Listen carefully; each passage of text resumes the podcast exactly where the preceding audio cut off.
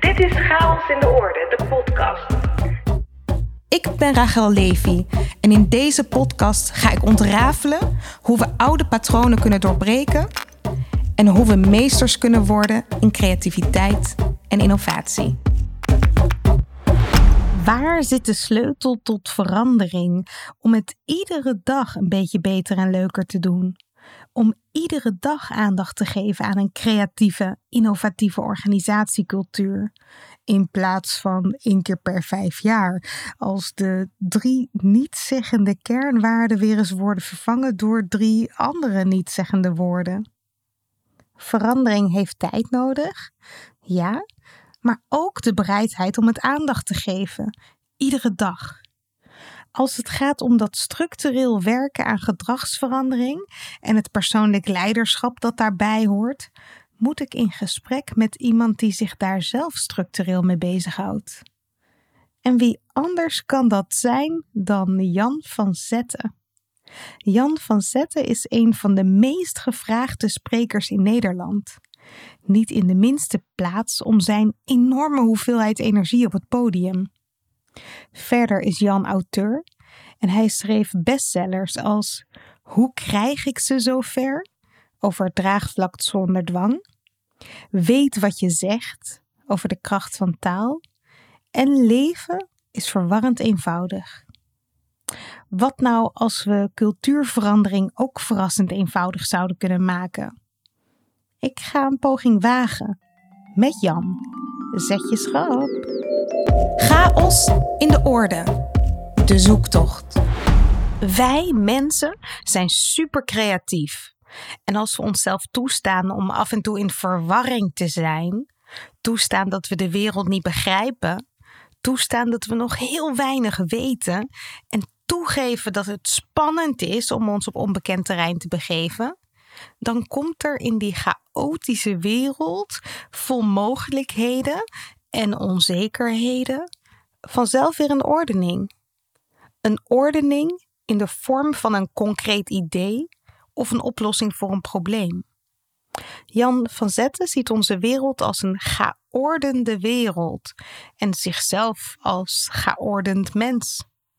Ik heb één keer een soort van, eh, ik noem het maar een visioen gehad. En uh, toen zat ik echt in de, in de verwarring. En verwarring voor mij is uh, het voorportaal van nieuwe inzichten. Dus verwarring is een plek waar je echt in de war kan zijn, waar dus echt chaos van denkbeelden, mogelijkheden, onmogelijkheden heerst. En als je dan eigenlijk een soort van rust over je laat komen en verwarring omzet in verwondering.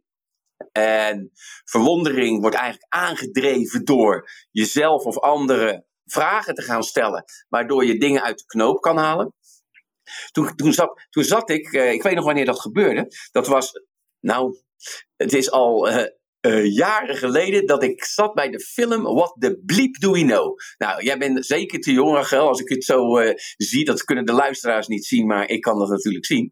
uh, dus die heb je waarschijnlijk niet meegemaakt. Maar dan ging je over de kwantumfysica. Kwantumfysica en spiritualiteit gingen daar hand in hand. Ik begreep er geen pepernoot van, maar ik vond het zo interessant. Ik denk dat ik ongeveer 30% van die film begreep. Nog een keer kijken. Nou, en steeds meer. En dan zie je dat chaos natuurlijk wel chaorde is, maar dan moet je anders kijken. Anders over durven nadenken. Uh, ja, en dat is wel cool. Dus zag ik op een gegeven moment eigenlijk uh, een soort, soort beeldvormen waarbij je, als je, je zou eigenlijk uh, je kunt dan in het navigatiesysteem van je eigen leven kijken. Dus je ziet in één keer, woef, allemaal mogelijkheden. Allemaal mogelijkheden. Zag allemaal draden, allemaal mogelijkheden. En ik denk, wauw, wat is dit? En afhankelijk van wat je aanklikt, ja, daar wil ik heen. Dus er zit een heel dradennetwerk wat er naartoe leidt. En als je aanstaat, dan maakt het niet uit waar je terechtkomt, want dan loop je bijvoorbeeld vast. Ja? Ik vergelijk het wel eens letterlijk met een navigatiesysteem. Hè. Je loopt een doodlopende weg in of de tunnel zit dicht. Maar wat doet dat, dat systeem? Dat stuurt je niet terug naar huis. Die zegt niet, nou jongens, daar, we gaan er niet komen, want we zitten vast. Kijk, en dan komt creativiteit. Ik noem dat de hoogste vorm van activiteit. Hè? Noem ik creativiteit. Dat betekent dat je dingen eigenlijk gaat bedenken die er gewoon nog niet waren. Ja? Je hebt mensen die zijn bijvoorbeeld passief. Hè? Die zitten gewoon uh, te zijn. Nou, uh, weet je wel, passief. Een niveautje hoger is uh, reactief. Hè? Je geeft ze een stoot en dan, oh, oh, oh, weet je wel. Dus die re ageren. Hè? En dan heb je nog een niveautje hoger. Die zijn gewoon actief. Hè? Die zijn lekker zo een beetje actief. Wat aan het rommelen, bommelen. En dan heb je degene die zijn proactief. Hè? Dus voordat er uiteindelijk dingen zijn of gebeuren, zitten ze al in de, in de stand om dingen te bedenken of te doen. En dan kom je op de hoogste ja, zeg maar, orde van activiteit. Dat is creativiteit. Weet je wel? Dus, dus ja, uit het niets gaan dan dingen gewoon je geest inborrelen. Want ze zijn er natuurlijk allemaal al, maar je ziet ze niet. De wereld is iedere dag, ieder uur, iedere minuut, iedere seconde in ontwikkeling. Er is altijd wel ergens op de wereld een doorbraak in denken, een idee over verandering. Een idee dat vroeg of laat ook impact kan hebben op jouw leven. Daarom is het belangrijk dat we niet bang zijn. Niet bang voor het onbekende, voor technologie die we nog niet begrijpen, of ideeën die we nog niet kunnen bevatten. Als je met een open blik kijkt, ook naar je eigen gedachten, kom je veel verder. Toch is interesse voor geordend leven ook bij Jan pas later ontstaan. Hij koos in eerste instantie voor een vak dat verrassend slecht bij hem paste. Ik ben begonnen als spreadsheet-ridder, zo noem ik het dan even. Hè, accountant en mensen met, met spreadsheets aan de gang zijn. Waarbij ik het vak niet wil onteren, zeker niet als er een luisteraar tussen zit. Want het is ongelooflijk nodig om goed beeld te hebben. Uh, op een manier, tenminste zoals ik er naar kijk. En zoals ik er naar kijk, is dat laat cijfers spreken en mensen excelleren dus leg die, leg die verbinding tussen wat zie je gebeuren uh, in cijfers en wat betekent dat dan voor gedrag van mensen. Uh, ik heb het dus ook niet zo lang volgehouden, dat uh, want dat was toen nog, en dan praat ik echt over ehm, een 30, 40 jaar geleden, moet je je voorstellen. Uh, oude vent. ja. dat je moest controleren. Hè? Dus heel gestructureerd een plan volgen waarbij je de boeken controleerde enzovoorts. En wat je moest doen was aanvinken of iets klopte of niet klopte. En dat was ook echt vinken. Hè? Je moest niet gaan zitten vonken. Hè? Want een vonk is de start van creatie. Hè? Zonder vonk geen vlam. Nou, dus uh, Jantje zat te vinken als een kleine tijger. En op een gegeven moment uh, zie je natuurlijk wel voor je wat er gecreëerd wordt door die ondernemer. Ja, want die, die zit dat waar te maken. En dat geeft ze weerslag in, in cijfers en trends en zo. Dus ik op een gegeven moment, ik weet nog goed hè, over wanneer de schellen van je ogen vielen. Nou, dat was achteraf kun je dat een beetje bepalen. Was de aanloop het volgende. Ik, ik zat bij een uh, houthandel en uh, ik zag dat de trend in het werkkapitaal compleet de verkeerde kant op ging. Dus dat bleef maar stijgen. En uh, ik zag ook wel waar het in zat. Want ja, dat kun je natuurlijk zien. Hè? Uh, met verschillende onderdelen van het werkkapitaal. Dus ik dacht, ik ga eens met die ondernemer creatief aan de bak. Hoe kan het beter en leuker met het werkkapitaal? Want dit gaat niet goed. nou, dat was niet de bedoeling. dus ik kom bij die man en ik begin erover. En hij zegt: uh, Denk jij dat je verstand hebt van mijn business? Nou ja, ik zeg nee, dat niet. Maar ik zeg, ik kan wel zien aan die cijfers dat je even moet, anders moet gaan kijken naar verschillende dingen. Want anders gaat het niet helemaal goed. Nou, lang verhaal kort maken. Mijn baas kwam dat ook te horen, mijn toenmalige baas. Tegenwoordig noem je dat inspirator, motivator, maar dat heette toen nog baas. En uh, ja, die, die heeft mij toch wel erop gewezen dat het niet de bedoeling was dat ik een beetje echt ging uh, na zitten denken. Ik, en zeker niet in de positie waar ik nog verkeerde. Dus ik moest gewoon vinken. En, uh, en toen weet ik dat ik dacht bij mezelf: ja, maar hoe kan ik hier nou energie uithalen? Het was wel duidelijk. Jan was veel te creatief om een beheersende rol op zich te nemen in de organisatie. En als je niet op je plek zit, gaat het schuren. En toen flapte Jan het er zomaar uit tijdens een voortgangsgesprek met zijn baas. Krijgt u nou energie van dit werk? Nou, dat is, dat is vrij suggestief. Dus hij zegt: Wat bedoel je? Ik zeg: Nou, we zitten te kijken naar wat een ander, als je niet uitkijkt, al verknald heeft. Dat leggen we alleen maar vast en dan, en dan kijken we naar, dan controleren we. Ik zeg, en dan stopt het. Ja, zegt hij. En wat, wat is daarmee? Ik zeg, daar krijg ik geen energie van. Ik wil, daar, ik wil ermee aan de slag. Nee, nee, dat is jouw taak niet. Ja? Als je later groot bent in de accountancy, mag je misschien een advies geven. Ik zeg, als je later groot bent. Ik zeg, eh, ik ben al groot. Nou, dus toen had ik mijn graf gegraven. En het eh, eindgesprek in dat jaar was, uh, dat vond ik wel heel mooi creatief aangepakt van hem. Want hij was vrij standaard nukkig. Maar toen lachte hij en opende met de zin: Jan, het wordt tijd dat wij onze carrièrepaden gaan verleggen. Vind je niet mooi gezegd? Hij bedoelde opzouten, maar hij zei het heel netjes. En zo ad rem als Jan is, vroeg hij: Oh, waar gaat u heen dan? Wat zegt hij? Waar gaat u heen? Ik zeg ja. Hij zegt: Ik ga niet weg, jij gaat weg. En dat was een fantastische beslissing van die man. Voor mijn ego niet, hè. Mijn ego was nog niet gewend aan die snelle verandering. die denkt, shit, wat gebeurt hier? Maar ja. De afslag op zijn carrièrepad leidde Jan naar een baan in de marketing. En daar kon hij ineens doen wat hij al die tijd al wilde. Marketing is een levendig vak, waarin juist van je verwacht wordt dat je je uitleeft. Hardop denken, ideeën delen, steeds iets nieuws verzinnen. Ja, en toen dacht ik, wow, dit is wel even veel leuker. Marketing is ook een vakgebied waar chaos en orde van nature samengaan. Er is een duidelijk doel, een kader, een ordening en daarbinnen vindt creativiteit plaats. Jan gelooft dat iedere organisatie creatief kan zijn, ook als er kaders zijn. Juist als er kaders zijn. Kijk, als je als organisatie met elkaar goed vaststelt, waar staan we nou voor met elkaar en waar gaan we voor? Ja? Uh, wat is het nuttige effect? Wat doet het ertoe wat wij doen? Hoe beter je dat in beeld hebt, dan heb je eigenlijk heel veel orde en structuur geschapen, doordat je dat punt uh, met elkaar vastlegt. Ja? En met vastleg bedoel ik niet, het staat kei vast. Nee, wat is de bedoeling van deze club? Een bedoeling is eigenlijk een doel wat niet zo scherp is dat het niet mag bewegen, maar je bent wel degelijk helder over wat uh, je wil. En de meeste organisaties die hebben geen bedoeling, maar een vast omlijnd doel. Ja? En 9 van de 10 organisaties, als je in een profitomgeving uh, zit, dan zegt de grote baas op de vraag: wat doen jullie hier eigenlijk? Wat doet dat ertoe? Nou zegt hij is vrij simpel: making money. Kijk, en als je dat beeld hebt, dan, dan zit je eigenlijk al vast. Zingeving is een woord dat in deze podcast vaak terugkomt. Kennelijk heeft creativiteit een positieve drijfveer nodig.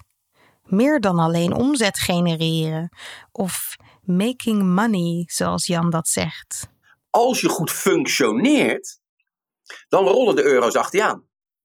Dus als jij op collectief niveau met je bedrijf niet goed vaststelt waar gaan we nou voor, wat is het nuttige effect van ons bedrijf, dan kill je de creativiteit bijna al tot de helft terug, omdat we hier gewoon geld zitten te verdienen. We zitten hier gewoon geld te verdienen. Ja? En geld verdienen, dat moet je efficiënt en effectief doen. Dus als je niet uitkijkt, denk je dus dat je er geen geld, zo met zo min mogelijk middelen, zoveel mogelijk moet zien te doen. Dus wij, wij geven een conditionering af. Uh, en, en dan nou rond ik het natuurlijk een klein beetje zodanig af dat het scherp binnenkomt. En die bedrijven die zeggen: nee, wacht nou even. Kijk, het doet ertoe wat wij doen. Wat wij doen, ik geef je een voorbeeld. Ik was in uh, België vorige week. En toen heb ik die vraag gesteld aan de mensen. Jongens, ga eerst eens even aan je, aan je buurman vragen. Wat doe je eigenlijk? Jullie bedrijf, wat doen jullie? Ik zeg, en dan uh, zal hij dat wel antwoorden. Dus ik had ze verder niks gezegd. En toen zei ze, nou, wij maken software uh, om te zorgen dat, uh, hè, dat er niet ingebroken kan worden. Er was een bedrijf niet ingebroken kan worden in de bla bla bla. bla. En toen had ik ze een tweede opdracht gegeven. Vraag nou nog eens, wat voor verschil maken jullie in het leven van een ander? Doordat je doet wat je doet. Dus welk verschil maak jij in het leven van een ander doordat je doet wat je doet? Dan krijg je in één keer bezieling erin. Ja? Ik zeg, en dan mag je dus niet met je product beantwoorden, maar met de beleving. Wat, wat, wat, wat, wat, wat gebeurt er dan? Wat, nou, kwam een schitterend verhaal uit. Uiteindelijk zijn ze, en dat waren in het Engels moest dat uh, gedaan worden. We protect the world from crashing. hey, kijk. Now we talk business. Dat is even iets anders dan software verzinnen, waardoor uh, je niet in kan breken. Maar daardoor creëer je in één keer een heel andere denkbeeld. Kijk, en hoeveel, hoe vaak zitten mensen nou zo bij elkaar om het collectief bewustzijn naar dat hogere niveau te tillen? Naar dat belevingsniveau. Want dan ga je dus ook letterlijk, dan denk je, ja, maar als dat zo is, dan moeten we kijken, alles wat we doen en niet doen, moet eigenlijk daartoe bijdragen. Jan zoekt met zijn klanten naar zingeving. Want zingeving gaat over emotie, over verhalen. En verhalen spreken tot onze verbeelding, wakkeren onze creativiteit aan. Ze stellen ons in staat om nieuwe denkpaden in te gaan. Als we geen verhaal hebben, hebben we geen doel, maar een target. En een organisatie die zich alleen maar richt op targets, gaat het uiteindelijk verliezen, denkt Jan. En dat betekent ook dat organisaties talent boven structuur moeten plaatsen. Maar ik ben tegen structuur die de talent en de creativiteit doodmaakt, liever die hem ondersteunt. Maar hoe doe je dat? Die vraag kreeg Jan laatst nog van een klant. Hoe stel je dan talent boven structuur? Jan vertelt een anekdote. Op de Jan-manier. Geordend dus. Ik zeg, mag ik één tip meegeven om de creativiteit van uw bedrijf te boosten, zodanig dat het al uit de klauwen loopt? Nou, zeg dan ben ik wel benieuwd. Ik zeg, nou, doe je stoelriem vast, dan komt hij. Zeg tegen je mensen, hè, nadat je een verhaal gehouden hebt, natuurlijk, hè, over waarom het zinvol is. Jongens, weet je hoe we het gaan doen? Heel simpel. Eén keer per dag vraag je aan je klant of je collega. Hoe kunnen wij datgene wat we nu doen of gedaan hebben beter en leuker? En je laat niet los voordat je één idee hebt.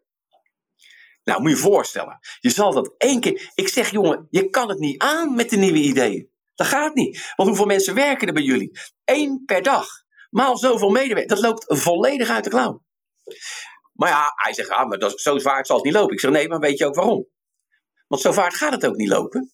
Want hoeveel procent is die Google-machine die op je schouder staat, je denkvermogen, geconditioneerd?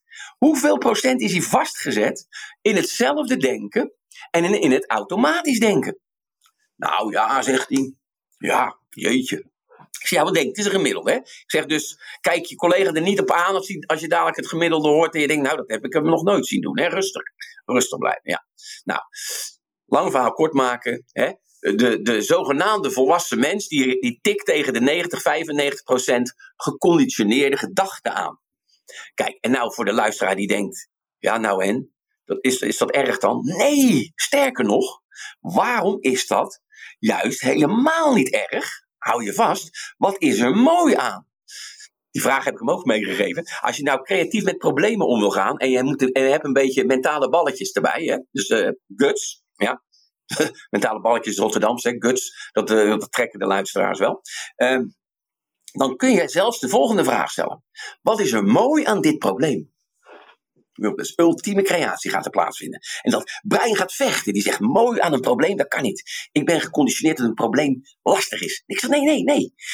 Alle business is gebouwd op het oplossen van problemen. Dus dat als, ik, als ik organisaties iets mee mag geven, omarm de shit. dus als er iemand binnenkomt bij jou in een probleem, zeg je: Oh, ik hoop het, ik hoop het. Want het bestaansrecht van een probleem is dat het oplosbaar is. Als het niet oplosbaar is, heb je een situatie die je moet accepteren en van daaruit gaan denken in mogelijkheden. Ja? Dus het probleem is een van de meest creatieve aandrijfassen die ons geconditioneerd stilzet. Dus mijn stelling is, als 95% geconditioneerd is, dan hoef je over een aantal dingen in ieder geval niet na te denken, wat gewoon prettig is. Moet je je voorstellen, je wordt ochtends wakker, je hoort die, je, je, je, je iCloud, je, je, je mentale iCloud is gedelete, je wordt wakker door de wekker, je denkt, wat is dat voor herrie? Want je, je weet niet eens wat het is, want je begint opnieuw. Nou, dat hoeft niet. Hè? Dus, dus een heel, hè, je loopt naar buiten, je denkt, had ik een rijbewijs of een auto? Geen idee, tuurlijk. Dus het is ook heel behulpzaam en dat voor voorspelbaarheid en orde er zijn. Alleen, ga er nou opstaan en laat het niet op jou staan. Want als er dan iets moet veranderen, dan moet ik in die 5%, 5 à 10% innovatieve gedachtekracht van mijn geest zien te komen. Nou, en dat, dan zeggen mensen, ja, hoe kom je daar nou? Hoe kan je daar nou komen? Super simpel. Maar dat zijn we helemaal vergeten. Ja? En als je kijkt naar de spelende mens, ja, want spelende wijs, daar zit natuurlijk heel veel leuke creatie in. Kijk naar die kleine mens. Ik heb een kleinzoon, ja, die gast, die is volledig ongeconditioneerd.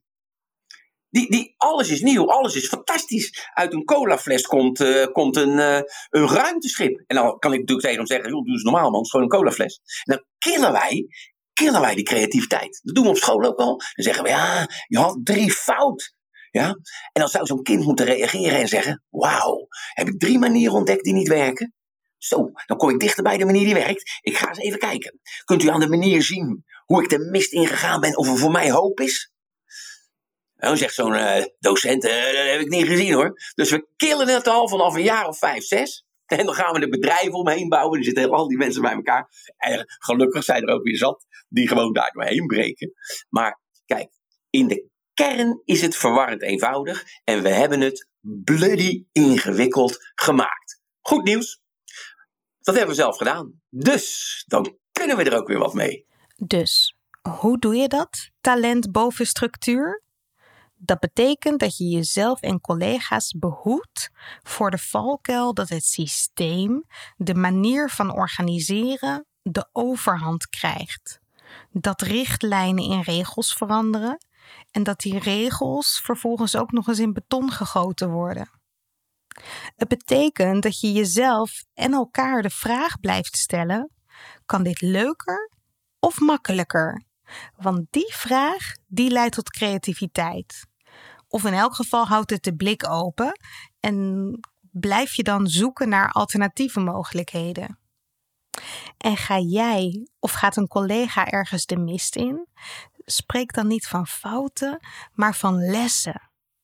Verwarrend eenvoudig misschien, maar veel organisaties worstelen nog dagelijks met het spanningsveld tussen beheersen en innoveren, tussen talent en organisatie.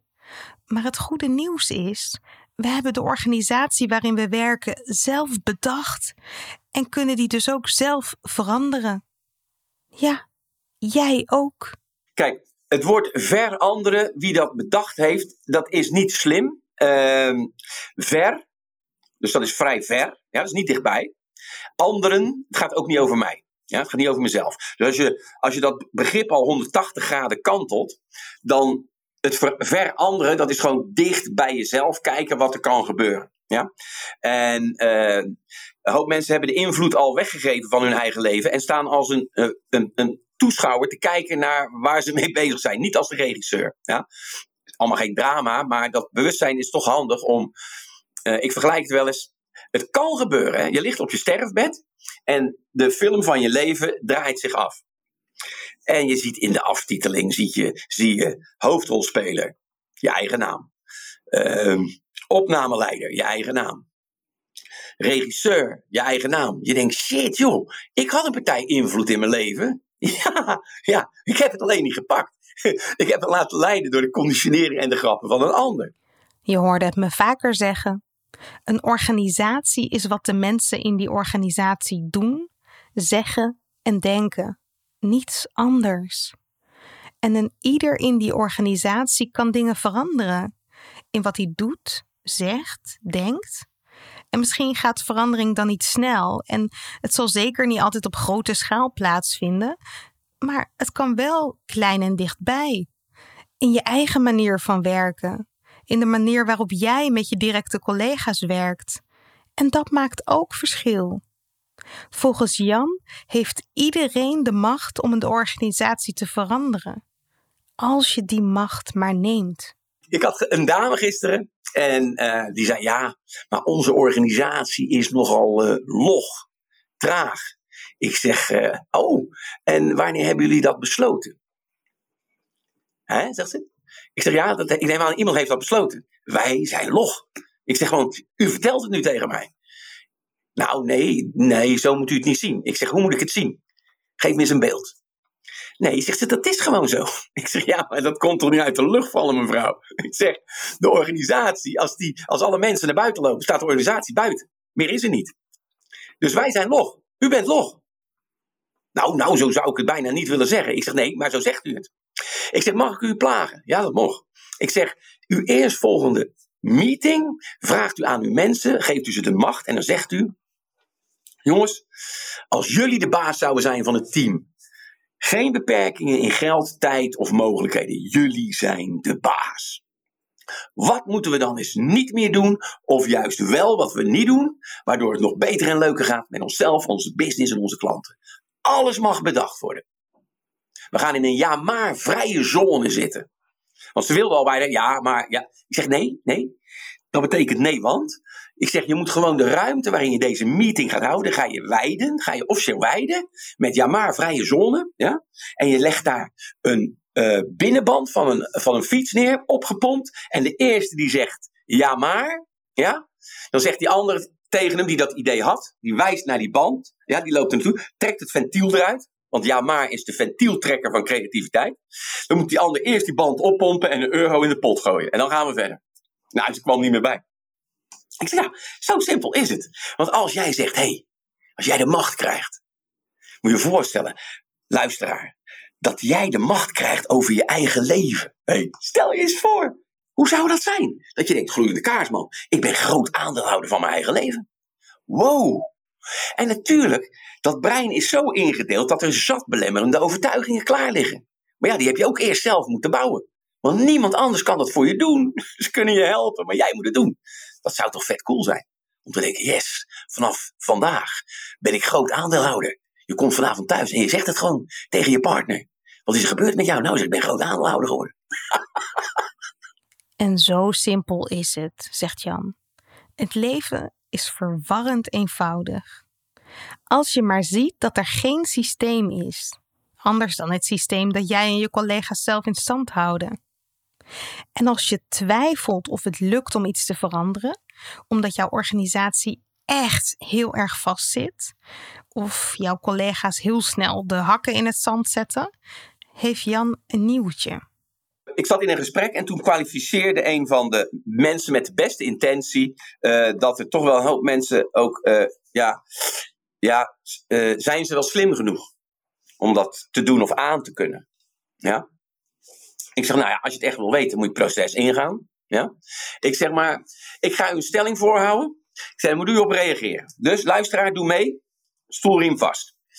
Is dit waar of niet waar? Mensen hebben van nature weerstand tegen veranderingen.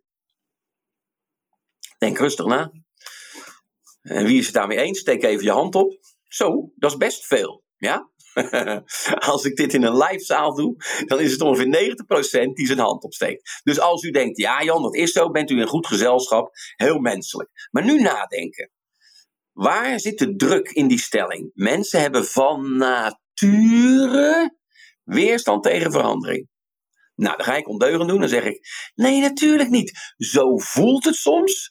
Zo beleef je het van een ander. Maar wat is er nou werkelijk aan de hand? Wat er werkelijk aan de hand is: mensen zijn zich van nature niet van alles bewust.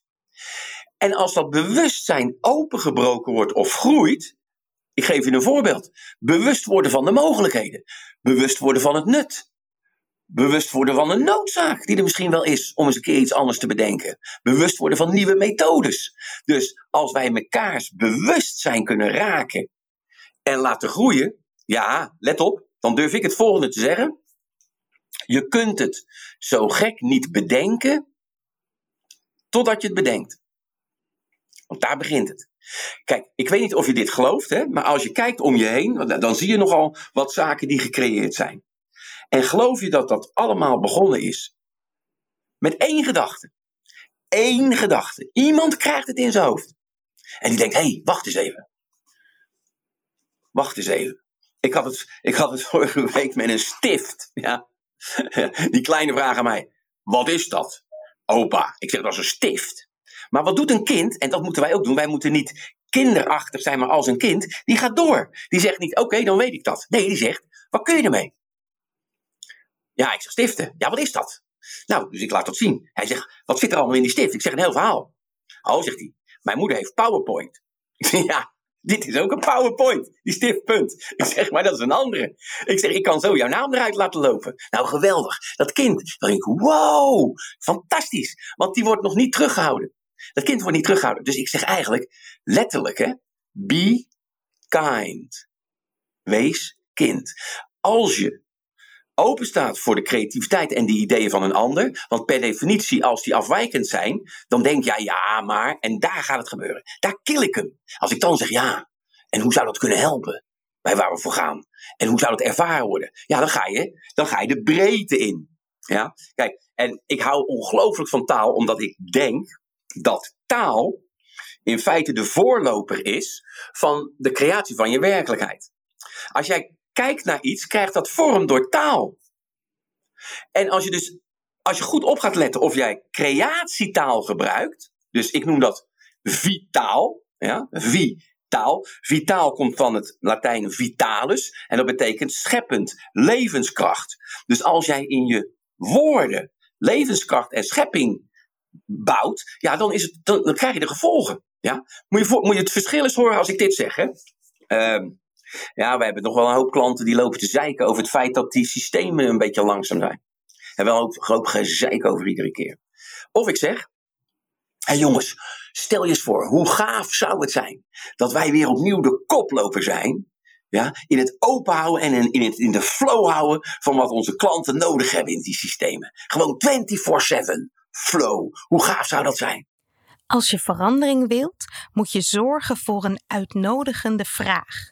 En wat Jan betreft is die vraag: hoe kunnen we het leuker en beter maken voor ons en voor onze klanten? En voordat je die vraag met elkaar gaat beantwoorden, spreek je af dat de brainstorm plaatsvindt in een ja, maar vrije zone. En je leert jezelf, en hopelijk ook je collega's, aan om in die zone creatietaal te gebruiken. Taal die bijdraagt aan het verkennen, vergroten en verrijken van ideeën, in plaats van die de kop in te drukken. Dat betekent trouwens niet dat je nooit meer mag kijken naar wat niet werkt. Integendeel, stel ook af en toe die vraag. Oké, wat is de top drie die wij ontdekt hebben die niet werkt? Wat is de nummer één? Want dan kunnen we kijken of we die kunnen kantelen. Ja, dan, moeten we inderdaad, dan moeten we, dat, dan moeten we dat doen. Voel je het? Dan ga ik dus met energie en creatiekracht, ga ik de start in. Als je benoemt wat niet werkt, geef je ruimte aan de zorgen, aan de negatieve gevoelens. Maar door daarna direct de vraag te stellen: hoe maken we dat beter en leuker? Spreek je ook weer meteen de creatietaal aan. Mag ik een klein voorbeeldje geven? 2008 was het. Ja? Lopen twee knullen in Parijs, vrij koude winteravond. Was in een congres geweest over uh, building the future. Hè? Het ging over uh, creatief nadenken over de toekomst. Ze lopen terug, willen naar een hotel en hoe heet dat? Uh, was geen taxi te krijgen. Ja, natuurlijk super druk, alle taxis weg. Dus die ene gast zegt tegen die ander: hey, hoe gaaf zou het zijn dat je gewoon op een appje knalt, op je telefoon knalt en er komt gewoon een taxi aan, je rekent hem af, weg zijn de renners. Gewoon, vervoer. Die andere roos zegt, ja, dat zou wel cool, vet cool zijn, zeg. Nou, de luisteraar die een beetje hè, de, de, heeft, die weet waar ik het over heb. 2008 is dit idee met die simpele vraag, hoe gaaf zou het zijn, is Uber geboren. Ja? Inmiddels een marktwaarde van 91 miljard. De bedenkers van Uber hadden geen bijzondere denkkracht. We hebben die allemaal, zegt Jan. 95% van ons gedrag is dan misschien automatisch, maar in die overige 5 zijn er allerlei interessante gedachten die zich aandienen. We zetten ze alleen niet altijd bewust in. En als we wel een keer een goed idee hebben en anderen willen meenemen, slaan we daarin ook vaak de plank mis. Omdat we vergeten dat de ander nog onbewust is. Dus de weerstand die je tegenkomt, heeft lang niet altijd te maken met jouw ideeën, maar wel met de ontvanger van die ideeën, die zich nog helemaal niet bewust is van het probleem of dat er überhaupt iets moet veranderen. De mate van onbewustheid, die bepaalt hoe je jezelf of een ander aan kan pakken. Kijk, als iemand echt volledig onbewust is van zijn gedrag en de consequenties, dan kun je daar een brok inspiratie in gooien. Dat betekent, inspiratie komt van bezielen, vonken, begeesteren. Dus je gooit allemaal vonken erop. Maar die zit je aan te kijken als een konijn in de koplampen. En die vonken, die doven gewoon. Want die denkt, nou, dit gaat niet over mij. Waar heeft die vent het over? Ja? Dus ik ga er hoog over. Nou, als ik dat zie, dan moet ik mijn eigen aanpak aanpassen aan het niveau van betrokkenheid van die ander. Ik moet hem niet de schuld geven. Ik moet zelf denken, hoe ga ik hem anders benaderen? Want dit gaat niet goed. Pak hem niet. Dan moet ik dus niet inspireren, maar confronteren. En let op hoe, hoe gaaf dit woord is. Ja? Confronteren betekent con, opgebouwd uit con, samen. Fronteren zit het woord frontière, grens in. Dus we moeten samen opnieuw de grenzen vaststellen of misschien verleggen. Dat is de kunst. Moet je je voorstellen. Hè? Ja, als jij, je, je komt thuis hè, en, je partner die vraagt aan je voordat je verder loopt: hou je nog een beetje van me? En jij gaat er vol in. Je zegt: ja, wat dacht jij nou? En zij of hij komt terug met de vraag: waar blijkt dat uit? Hè, zeg je? Ja, zeg je, zegt ze. Of hij zegt: waar blijkt dat uit? Ik luister, ja. Ik luister naar het antwoord. En jij denkt: shit, wat is dit nu? Ja? Ja? Dan ben jij dus op dat moment wellicht niet bewust van het gedrag wat je laat zien, wat niet zozeer vertaalt wat je intenties zijn. Want jij houdt van dat mens, maar je gedrag laat het niet zien. Ja? Dus dan schrik je eigenlijk wakker. Je wordt geconfronteerd dat je denkt, hé, hey, wacht eens even. Volgens mij gaat hier iets niet helemaal jovel. Alleen dan komt hij. Dat begrijp je niet gelijk. Je doorziet het niet gelijk. Dat is de tweede fase. Dus als mensen bewust worden van het feit dat we iets moeten doen in die organisatie, dan zijn we er niet. Maar dan moeten we wel respect hebben voor het feit dat je ze mee moet nemen of kietelen met inzichten, achtergronden, uh, een visie. Waardoor je zegt, ja, wacht eens even, zo heb ik er nog nooit over nagedacht, joh. Maar ja, dat werkt hier niet, joh. Dat werkt hier niet. Dus dan begrijpen ze het wel, maar ze geloven er geen fluit van. en nou komt een heel interessant punt als mensen mee willen denken of doen in een verandering? is eigenlijk een hele simpele vraag, cruciaal. Dus het is verwarrend eenvoudig, hou je vast. Het enige wat je hoeft te vragen als je weet dat iemand bewust is en zegt: Ja, oké, ik snap het allemaal wel, maar ik geloof niet dat het werkt hier. Dan zeg je: Ja, dat kan natuurlijk, dat je dat zo voelt. Waarom niet? Hoe kan ik dat ontkennen? Maar ik zit even met de volgende vraag. Wat zou een reden kunnen zijn voor jou? Dus niet voor mij of voor die projectleider of voor de grote baas. Nee, wat zou een reden kunnen zijn voor jou persoonlijk om hierin mee te denken. Denk eens rustig na. En dan moet je de kracht van de stilte laten werken. Wat zou voor jou een reden kunnen zijn? Nou, let op. 9 van de 10 keer komen mensen dus op een idee. En dan zeggen ze, ja, kijk, ja, nou ja. Nou ja, kijk, je wordt er nooit minder van. Ja, je wordt er nooit minder van als je eens een keer gaat kijken of er nog meer mogelijkheden zijn. Ja, dat weet ik zeker. En dan gelijk ze één of twee motieven, let op hè. Ze geven jou dus een motief, een beweegreden. Want dat vraag jij eigenlijk. Jij vraagt, is er voor jou een reden om in beweging te komen? Heb je een persoonlijk motief? Want dat is het enige waar mensen op draaien, is een persoonlijk motief. Nou, en eigenlijk is, het, is die vraag, die is toch super simpel, maar je moet het wel stellen en dan de ruimte geven. En dan komt, dan komt natuurlijk het mooie erbij. Stel dat je een motief hoort van een ander, waarvan jij denkt, nou, het zou mijn motief niet zijn sta je dan toe dat niet iedereen hetzelfde gemotiveerd is om bij dat punt uit te komen. Als je dat toestaat, krijg je onderweg veel meer lol. Want de een die doet het omdat hij zichzelf kan ontwikkelen. De ander die doet het omdat hij resultaatgericht is en denkt, ja, zo kan ik er sneller komen. Die doet het weer omdat hij zegt, ja, samen die klus klaren. Ik vind dat vet cool. Dus ik doe mee met jou, want jij bent er ook bij. Dus heb je oog voor de aandrijfassen van die ander. Ja, dan kun je in de context van die verandering kun je natuurlijk veel meer aan. Maar dan moet je niet tegen jezelf zeggen: ik accepteer jou precies zoals ik ben. Want dan krijg je extra weerstand. de ander helpen om zich bewust te worden van de noodzaak om te veranderen. Dat is een belangrijke sleutel als je mensen wil meenemen. En op zoek gaan naar een reden om mee te willen denken, om mee te willen doen hoe verschillend die redenen ook kunnen zijn.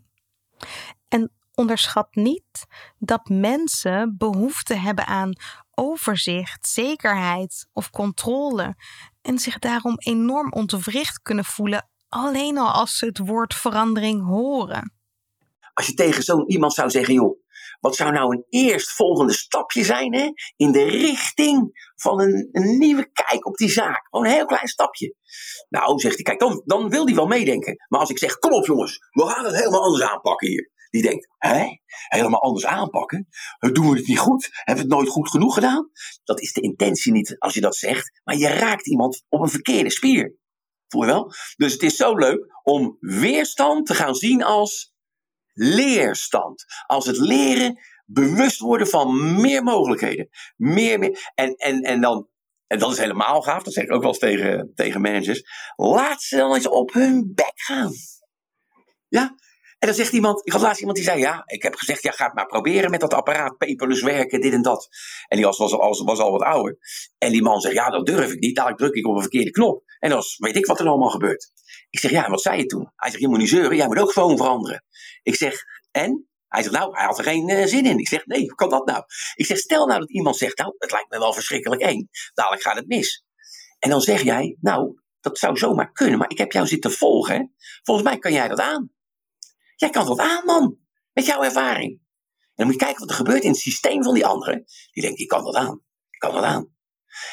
En dan zegt hij, ja, maar als hij dan zegt, ja, nee hoor, dat kan ik niet aan, dat kan ik niet aan hoor, als het zo anders. Ik heb het al 30 jaar zo gedaan. Ik zeg, ja, precies. En wat zeg jij dan? Wat zeg jij dan? Jij bent een leider. Dan zeg jij toch, oké gast, als jij het niet aan kan, sta ik achter je. Dan vang ik je wel op. Ik vang je wel op. Ga die route maar lopen, experimenteer maar. Ik weet eigenlijk al dat je het aan kan. Maar als jij denkt dat het niet zo is, en in het uiterste geval is het zo, dan vang ik je op. Want samen kunnen we het sowieso aan, ik sta achter je. Meen je dat nou? Zo, dat is vet, jongen. Dat is vet. Want mensen gaan op vertrouwen van zichzelf, of als dat te laag is, leen het dan een beetje aan ze.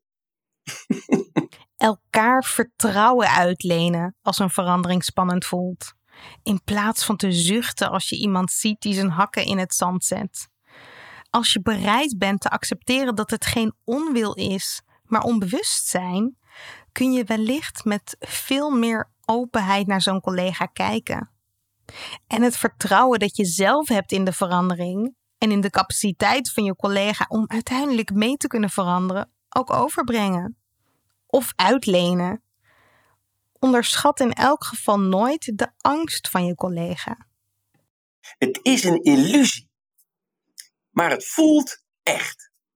Het is een illusie, maar het voelt echt. Dus je moet hem creëren. Dus je moet als een ander zeggen, nou, ik ben een beetje bang dat het misgaat. Moet je zeggen, ah, het is een illusie, voelt echt. Nee, dan moet je op zich wel oog hebben voor die emotie. Hè? Dat moet, want dat voelt iemand nou eenmaal. Dus je zegt, nou ja, dat kan ik me wel voorstellen. Want het is echt anders dan de manier waarop je gewend bent.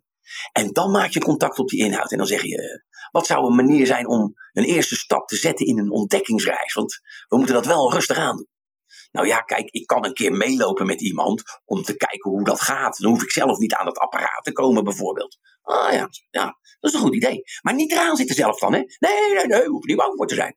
Nou, je voelt wel aan wat er gebeurt hè, in dit soort situaties. Als je niet uitkijkt, gaat een ander er dus toch aan zitten. Die denkt, ja, het valt eigenlijk wel mee. Juist die mini-stapjes zijn zo belangrijk. Dat creëert succeservaringen. En het zorgt ervoor dat mensen bijna ongemerkt hun angst aanpakken. En die angst is verpulverd zodra je datgene doet waar je bang voor bent. Dat kan hij niet tegen. Angst kan niet tegen aangepakt worden. Dan smelt die gewoon in je hand. Dat mensen zo vast kunnen zitten in een belemmerende overtuiging is logisch. Ze hebben dat oude denkpad zo vaak bewandeld dat het een ingesleten pad is geworden. Een algoritme in jouw Google-machine die ervoor zorgt dat steeds dezelfde suggestie naar voren wordt geschoven. Nieuwe ideeën worden afgeweerd. Je brein beschermt je er zelfs tegen. Om te begrijpen hoe we in elkaar steken, neemt Jan ons mee terug in de tijd. Het is maar een klein stukje, 70.000 jaar. Toen liep de, aantal vormen van homo's, dat is een mens, hè, homo betekent mens, dus dan hebben we dat ook gelijk opgelost. Uh, iedereen is mens. die liepen over de aarde heen en dan had je de homo, uh, hoe heet dat, Neandertalen, de homo uh, erectus, de homo, noem ze maar op. En, en toen, bij die homo sapiens, die nu op uw stoel zitten luisteren, 70.000 jaar geleden ging er een vonkje over in die hersenen. En wat gebeurde er? Wetenschappers zijn er nog niet helemaal uit. De Homo sapiens, sapiens betekent wetend, wetende mens, die kon in één keer gaan nadenken, bewust worden over zijn denken. Hij had een verleden, geheugen, een, een, een uh, verbeelding, een toekomst en hij kon gaan communiceren taal. Hij kon taal creëren. Dat was gaaf. Dat, dat heeft de hele boel in gaorde gebracht. Daarom hebben we die planeet met een noodgang overgenomen. Maar dan komt hij.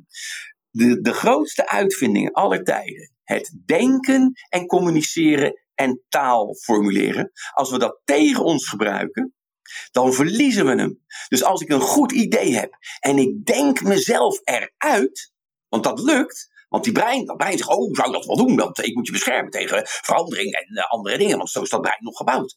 Dus als je stopt met denken, als je een besluit genomen hebt, je zegt, jongens, linksom of rechtsom, we gaan het doen. Kijk, en dan actie, al is die maar klein, dat maakt niet uit, dan geef je het brein niet meer de kans om je eruit te denken. En dat is de kunst. Dus iemand zit, en dat, en dat kan in het klein, kan in het groot. Eh? Als jij zegt, ja, ik wil eigenlijk, eh, ja, ik wil eigenlijk wel meer hardlopen of wat dan ook. En dan zit ik op de bank te Netflixen met een zak chips. Dan denk ik, ja, nou ja, eh, het kan morgen ook wel. Nee, zodra jij denkt, wacht even, ik moet toch eigenlijk hardlopen, dan moet hij aan. Die turbo switch, klop, fap, en dan doe je de eerste beweging, je springt van die bank af en je loopt naar je sportschoenen of wat dan ook. Niet denken, niet denken doen. Dus je moet denken in energie. En die moet je meenemen, die energie, in de doekracht. En daartussen zit alle shit die je zelf wijs loopt te maken. door de kracht die in je Google-machine zit. En die kracht moet je dan daar even achterwege laten. Dan is denken het nieuwe doen. je kunt zo'n doenerige manier van denken, zo'n energieke manier beïnvloeden. Sterker nog, je moet hem beïnvloeden. Op een heel bewuste manier weet je wat je zegt en wat je denkt. Want dat is de voorloper. Dus als ik bijvoorbeeld zou zeggen: hey, zou het niet gaaf zijn als. Dan start ik een ander denkproces op als. Dit is nou al drie keer fout gegaan. Dit is al drie keer fout gegaan. Ja, nou kom jij weer met een creatief verhaal, want je bent zo creatief, hè? Ja, je bent zo creatief. Nou, dit hebben we al drie keer geprobeerd. Als ik dan niet zeg bij mezelf: wow, jongens, we hebben drie manieren ontdekt die niet werken. Dus we komen dichter bij de manier die werkt. En dan komt er een vraag: wat kunnen we dit keer anders doen waardoor het lukt? Denk mee, wat, wat zijn er nog voor andere mogelijkheden? Dat, die hersenen, die zijn niet moralistisch.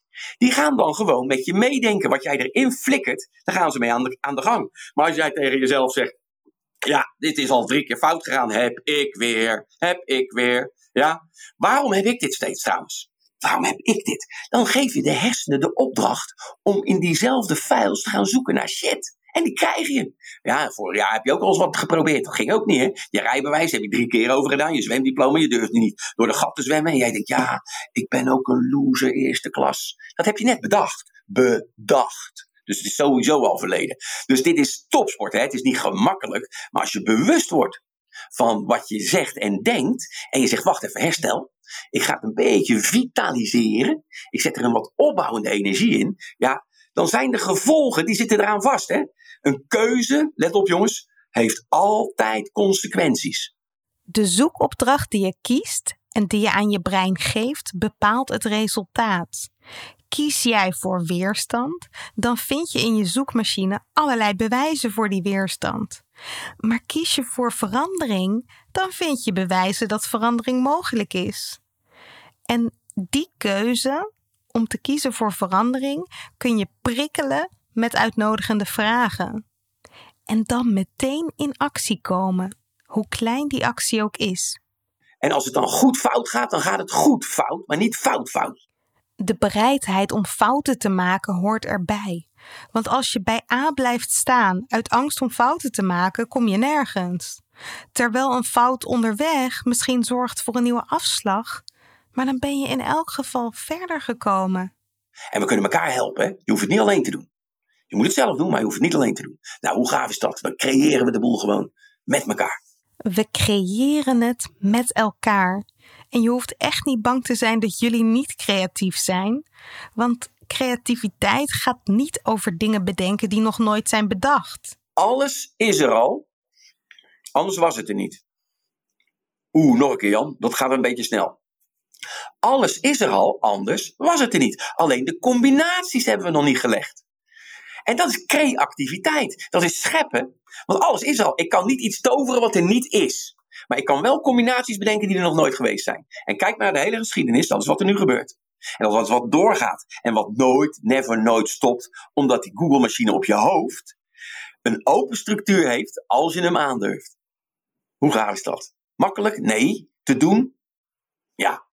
Een nieuw idee ontstaat eigenlijk altijd vanuit bestaande kennis. Het is soms misschien een beetje puzzelen, een beetje mixen en matchen, een keer een andere verbinding maken, maar dat is het. Je moet alleen zelf en ook als team weer vertrouwen krijgen in je eigen navigatiesysteem en niet te veel leunen op het navigatiesysteem dat alles voorkoudt. Ik moet het even afkloppen, maar tot nu toe is het me nog uh, niet gelukt om te laat te komen bij een, uh, ik noem het maar even een optreden, hè, zo noem ik het dan maar even. En dat dreigde te gaan gebeuren bij Radio Kootwijk uh, bij Apeldoorn. Ja? Want mijn navigatiesysteem liep vast. en toen werd, dit, werd, ik dus overgeleverd aan mijn eigen navigatiesysteem, waar nog geen gebaande paden in zaten, richting Radio Kootwijk. Maar ik denk, wat er ook gaat gebeuren, ik ben op tijd. Ik ben op tijd. Nou, nou is het wel belangrijk dat als je een nieuwe weg inslaat, dat je in ieder geval ofwel schoenen aan hebt die een stootje aan kunnen, of een auto onder je gat. Want als je als een blind ergens blind ingaat, dan, uh, dan kan dat echt veel pijn kosten. Hè? Nou had ik uh, destijds, een, ik zal geen merk noemen, maar afgekort een boerenmestwagen. Nou als je het afkort, dan hoor je uh, de, de, de afkorting wel, hè? BMW misschien erin. Ja? En, en dat, dat, die had ik gekocht voor mijn ego. Daar zaten acht cilinders in, er zat een power in. Als je een vloedje op het gas gooide, moest je jezelf van de hoedenplank terugvechten. Maar het grote voordeel was, die had de kracht om op vier wielen aangedreven te worden. En ik denk, wacht even, nou ga ik creatief worden. Want ik kon zien waar het lag, maar ik kon de wegen er naartoe. Die zag ik niet meer en mijn systeem ook niet meer. En toen heb ik gewoon een paal van de weg afgehaald, ja, waar, die, die dus een, een balk die dicht lag. En toen ben ik gewoon een nieuwe weg gaan trekken. Dwars door het bos, door een weiland, richting Radio Kootwijk. Volgens mij mocht het niet. Maar ja, maar ik kwam er wel. Ik kwam er wel. En ik was op tijd. En de helft van het publiek was niet op tijd. Want die had ook die, die route gevolgd. En, en dat adres ingegeven. En dat ging mis. En daar zie je dus ook dat als, als wij eenmaal één route hebben vastgesteld en hij werkt niet, dan gaan we er gewoon nog lang mee door. Geen mens heeft het in de gaten. We, ja, we komen er klagend uit. Nee joh, kom op. Dan maar een keer op ontdekkingsreis. Nou, had ook goed fout kunnen gaan, hè? Eerlijk is eerlijk. Maar dan maar goed fout en niet fout fout. Durf je te vertrouwen op het nieuwe pad dat je bewandelt? Dat is de vraag. Durf je te vertrouwen op je eigen creativiteit onderweg? Misschien is creativiteit vooral een mindset in plaats van een talent, een vaardigheid in plaats van een gave. En misschien kunnen we die mindset allemaal leren, zodat we in onze organisaties waarde gaan toevoegen omdat we flexibeler worden, wat een voorwaarde is om te blijven innoveren. Jan begon als accountant in een functie die draait om beheersen, vooral geen rare uitstapjes maken. Ik vraag de nieuwe Jan, die dagelijks bezig is met creativiteit en verandering, welk advies hij de oude Jan zou geven. Geef de hoop op een beter verleden op en je toekomst ligt open. Ik vraag Jan waarom hij juist dit zo'n waardevol advies vindt en wat jij daaraan hebt. Jan denkt terug aan wat hem soms tegenhield om te veranderen. Vaak waren dat verhalen en overtuigingen die gebaseerd waren op eerdere ervaringen. Het verleden ging zich dus in het heden wreken, in de vorm van angst en weerstand. En hij ziet dit nu ook bij anderen. En Jan heeft een manier gevonden, een mindset, om daarmee om te gaan. Als jij in een situatie zit waarvan je denkt, ja, dit klinkt allemaal wel lekker en dat klinkt allemaal prachtig, maar ga het nou maar eens even doen. Want, en dan komen er verhalen uit je verleden. Let op, wat ik nu ga zeggen is vrij confronterend. Het zijn nooit de harde feiten die jij hebt meegemaakt of waar je momenteel in zit, die jou blokkeren, je creativiteit remmen of je veranderen power. Het zijn de verhalen die je eromheen legt in een knoop, waardoor je in de knoop komt. En dan gaat denken in mogelijkheden en, en let dan goed op je taal, die kan die ontknoping eruit halen. Maar doe het niet te wild. Heb ook gewoon begrip voor je eigen emotie. Ja, geef dat wel een kans. Ik, ik, geef, een, uh, ik geef hem in het Engels, want hij is in het Engels heel krachtig. Hou je vast. Feelings buried alive never die.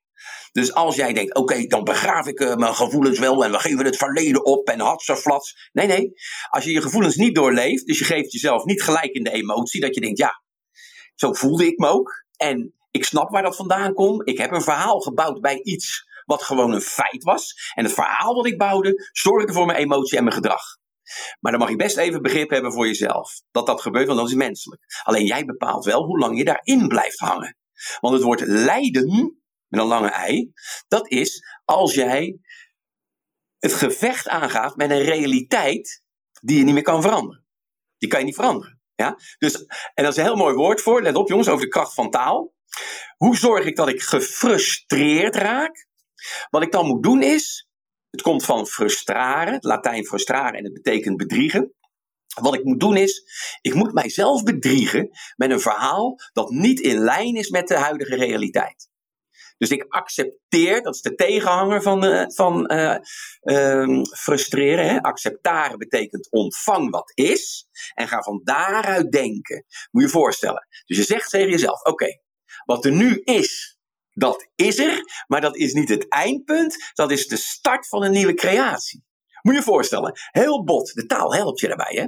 Je vriend komt naar je toe, of je echtgenoot, je partner, weet ik het, een kennis, en die zegt tegen je: hey, weet je, heb je het al gehoord? Ik ben ontslagen. En jij zegt: Zo, dat is wat. Nou ja, dat heb je gehad. Heb je al idee wat je gaat doen? Kijk, dat gaat te snel. Maar de taal zegt: dit is voltooid tegenwoordige tijd. Voltooid. Ik ben ontslagen. Precies. Dat was gebeurd. Zo snel kan de geest niet denken. En jij bepaalt hoe lang je erover doet. Maar de taal heeft het al voor elkaar. Voel je dit? Dus de kunst is als iemand tegen je zegt: ze zijn me aan het ontslaan. Ja, dan zit je in het proces. Jij zegt: wow, dat voelt shit. Heb je een idee hoe je eraan kan ontsnappen? Weet je wel? Dus let goed op wat je zegt. Alles wat je hebt meegemaakt, als je dat accepteert als dat dat zo is. En dat je nu kan denken: oké, voelt niet prettig.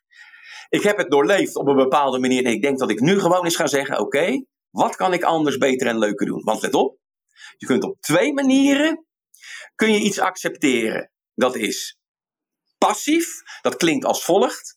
Ja, het is nou eenmaal zo. Er is corona. De economie is kloten. Hè? Ik heb ook een baas die snapt het niet. Het is nou eenmaal zo. En dan heb je de creatieve manier van accepteren. En die zegt: oké, dit is wat het is. En van hieruit gaan we doordenken. Dus ik vecht niet tegen dat er corona is. Ik ga alleen kijken, wat is er dan wel mogelijk? Want dan zegt dat filter op je hoofd, oké, ik doe met je mee, ik ga ook opletten en dan gaan we mogelijkheden ontdekken. Misschien is het een route waarbij we af en toe een paal uit de grond moeten trekken. Of gewoon een keer door een weiland heen. Maar dat doen we dan wel. En als dat goed bevalt, dan leggen we daarna asfalt erop. Ja, want eerst moet die weg gevonden worden. En ik zeg, Doe dat niet alleen, doe het samen. Want dan heb je een pure bruiskracht. En het leuke is, als je daarin verschillend bent, irriteer je dan niet, maar waardeer het dat die ander anders denkt. Want daardoor kun je zeggen, oh ja, en hoe zou dat dan kunnen dit? Hoe zou dat dan bijdragen dat? En dan opeens denk je, wow, volgens mij hebben we er hierheen te pakken. En dat gun ik je voor, voor, voor alles wat je wil gaan ondernemen of waar je van nu van denkt, hmm, zou ik het wel moeten doen? Ik zeg, ja, doe het goed of doe het goed fout. Jan is een wervelwind. Eén stroom van snelle energie die door je heen raast. Jan zegt het zelf. Hij denkt geordend. Er zit wel structuur in wat hij denkt en zegt, maar het hardop onderzoeken van zijn gedachten, het verkennen van verschillende paden, is nodig om uiteindelijk tot een conclusie te komen. Het is de reden dat hij boeken schrijft. Een boek schrijven dwingt je om je gedachten op papier te zetten en orde aan te brengen. Je weet pas wat je denkt als je het schrijft, zegt Jan. Daarom heb ik me na ons gesprek, toen de storm weer ging liggen, de tijd genomen om nog eens goed op me in te laten werken wat Jan nu eigenlijk zei. De woorden nog eens door me heen te laten komen. De verwarring omgezet in verwondering en de chaorde zijn werk laten doen. Ik haal vooral uit het gesprek dat we als mens ontwikkeld zijn tot een enorm creatieve soort. Maar dat die creativiteit in ons denken zich in heel veel gevallen tegen ons keert. In plaats van nieuwe denkpaden aan te leggen in de richting van de toekomst, lopen we steeds weer terug op het denkpad naar het verleden, waar we eerdere ervaringen tegenkomen. En die eerdere ervaringen gebruiken we dan als bewijs dat verandering niet kan of niet gaat werken. We fantaseren dus eigenlijk de verkeerde kant op. En als we eenmaal de verkeerde kant op fantaseren, creëren we problemen in plaats van oplossingen. Willen we iets veranderen, dan kan dat alleen op een duurzame manier als we ook onze mindset veranderen. Een goed idee wordt alleen vooruit geholpen als de denkrichting ook vooruit is. En als er bereidheid is tot actie natuurlijk.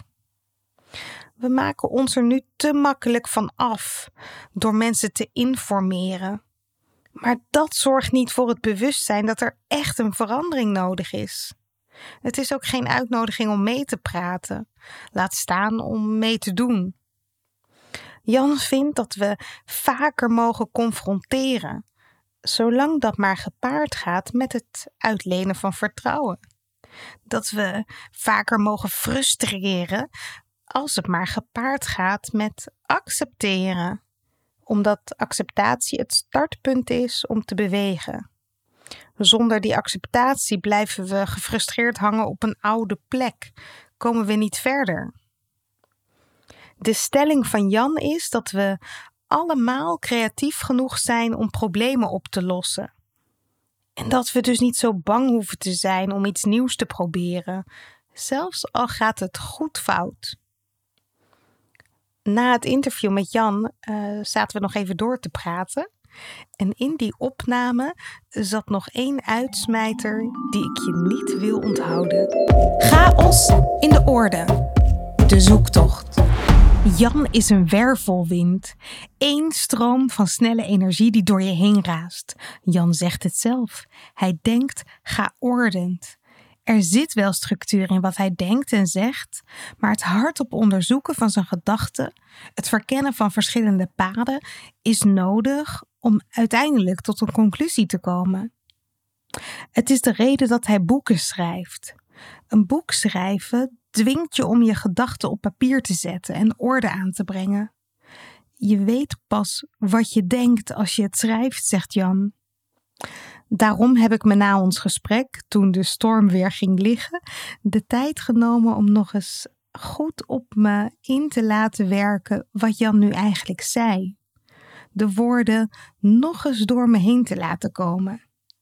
De verwarring omgezet in verwondering en de chaorde zijn werk laten doen. Ik haal vooral uit het gesprek dat we als mens ontwikkeld zijn tot een enorm creatieve soort. Maar dat die creativiteit in ons denken zich in heel veel gevallen tegen ons keert. In plaats van nieuwe denkpaden aan te leggen in de richting van de toekomst, lopen we steeds weer terug op het denkpad naar het verleden, waar we eerdere ervaringen tegenkomen. En die eerdere ervaringen gebruiken we dan als bewijs dat verandering niet kan of niet gaat werken. We fantaseren dus eigenlijk de verkeerde kant op. En als we eenmaal de verkeerde kant op fantaseren, creëren we problemen in plaats van oplossingen. Willen we iets veranderen, dan kan dat alleen op een duurzame manier als we ook onze mindset veranderen. Een goed idee wordt alleen vooruit geholpen als de denkrichting ook vooruit is. En als er bereidheid is tot actie natuurlijk. We maken ons er nu te makkelijk van af door mensen te informeren. Maar dat zorgt niet voor het bewustzijn dat er echt een verandering nodig is. Het is ook geen uitnodiging om mee te praten, laat staan om mee te doen. Jan vindt dat we vaker mogen confronteren, zolang dat maar gepaard gaat met het uitlenen van vertrouwen. Dat we vaker mogen frustreren als het maar gepaard gaat met accepteren, Omdat acceptatie het startpunt is om te bewegen. Zonder die acceptatie blijven we gefrustreerd hangen op een oude plek, komen we niet verder. De stelling van Jan is dat we allemaal creatief genoeg zijn om problemen op te lossen. En dat we dus niet zo bang hoeven te zijn om iets nieuws te proberen, zelfs al gaat het goed fout. Na het interview met Jan uh, zaten we nog even door te praten. En in die opname zat nog één uitsmijter die ik je niet wil onthouden. Ik had een stelling uh, voor een paar mensen die, die uh, ging over leiderschap, dit en dat, dus en zo. En uh, ik zeg, nou, voordat we beginnen, want er waren nogal wat problemen in het bedrijf. En nou ja, je kent het wel. Ik zeg, is het nou waar of niet waar? Waar geen mensen zijn, zijn geen problemen. Nou, even over nadenken. Waar geen mensen zijn, zijn geen problemen. Toen zei iedereen, nou, je moet maar eens gaan kijken hè, als er een eh, tsunami is met die dieren en dit en dat. Ik zeg, ja, wat zie je dan? Nou, dan verzuipen er een aantal die net niet gehaald hebben. Ik zeg, en wie maakt er daar een probleem van? Uh, nou, zegt hij, nee, ja. Ik zeg, nee, nee, niemand. Niemand maakt daar een probleem van. Er is geen plant, geen bloem, geen, geen nou, hoe noem je het? Een boomsoort, een insect, die klaagt. Ze gaan in de omstandigheden waar ze in zitten, groeien ze tot het maximum wat hun DNA aanreikt. Er is er maar één die loopt te zeiken op de hele wereld, terwijl die multicreatief talentvol is. Eén loopt er te zeiken. De Homo sapiens. Vind je niet gaaf? ik zeg, weet je wat ik heb gezien? Waar veel mensen zijn, zijn veel problemen. Dus wij moeten ze creëren. Dat kan niet anders. Zo over eenvoud gesproken. Dat kan niet anders. Waar geen mensen zijn, zijn geen problemen. En zodra ze er zijn, dus we creëren ze en we lossen ze weer op. We zijn gewoon, en dat kan een hartstikke leuke bezigheid zijn. Want als je er lol in hebt, heb je leuk werk. Creativiteit, innovatie. Het lijkt omgeven door een mysterieuze mist. Een geheim voor briljante breinen en getalenteerde kunstenaars. En toch, het moet toch voor iedereen toegankelijk zijn? Aflevering voor aflevering graaf ik steeds een stukje dieper. Ben jij enthousiast? Abonneer je dan op deze podcast en laat een review achter in de app waarmee je luistert. Hoe meer reviews we ontvangen, hoe meer mensen deze podcast kunnen vinden. Zo zorgen we samen voor meer chaos in de orde. Wil jij zelf chaos in de orde brengen? Download dan gratis het e-book Chaos. 10 manieren om patronen te doorbreken. Je vindt het op chaosindeorde.nl/slash podcast. Deze podcast wordt je aangeboden door Huis van Verbeelding, het bedrijf voor zakelijke creativiteit. Tot de volgende keer en veel chaos!